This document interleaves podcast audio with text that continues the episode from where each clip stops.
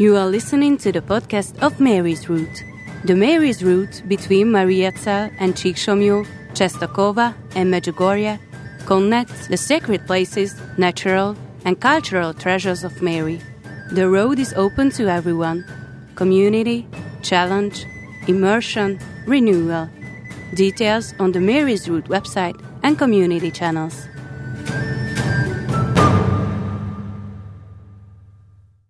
Bishop János Székely's The Way of Mary. The Way of Purification, Step 4. Give thanks. All people and cultures have their own myths and legends. These describe what life is, what it means to be a man, and how you should live in a right way. The Iliad and Odyssey are two myths of prime importance to Greek culture. One of the fundamental stories of the Bible is that of Abraham.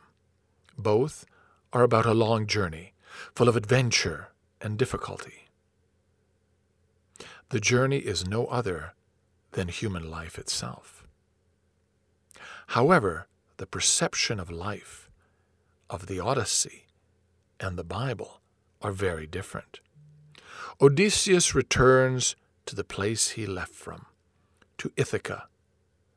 This is a way that closes upon itself.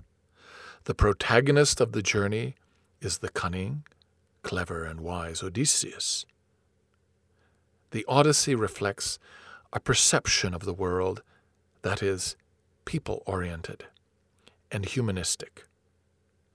Abraham starts out into the unknown to the promised land following a divine call.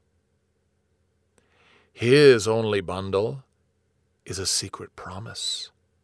The protagonist of his journey is God.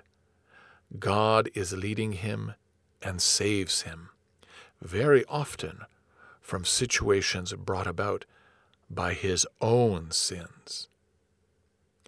Our lives are just like Abraham's journey. This journey leaves from this world, but leads to His eternity, to His fatherly house. The protagonists of our lifelong journey are, thank God, not us. We came from God, He created us, and we will return to Him. Our lives will be fulfilled by Him. Give thanks for your life, for this secret journey, which does not finish with death, but is heading towards the eternity of God.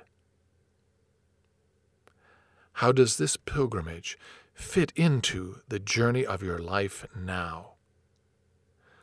Which step does it help you to take?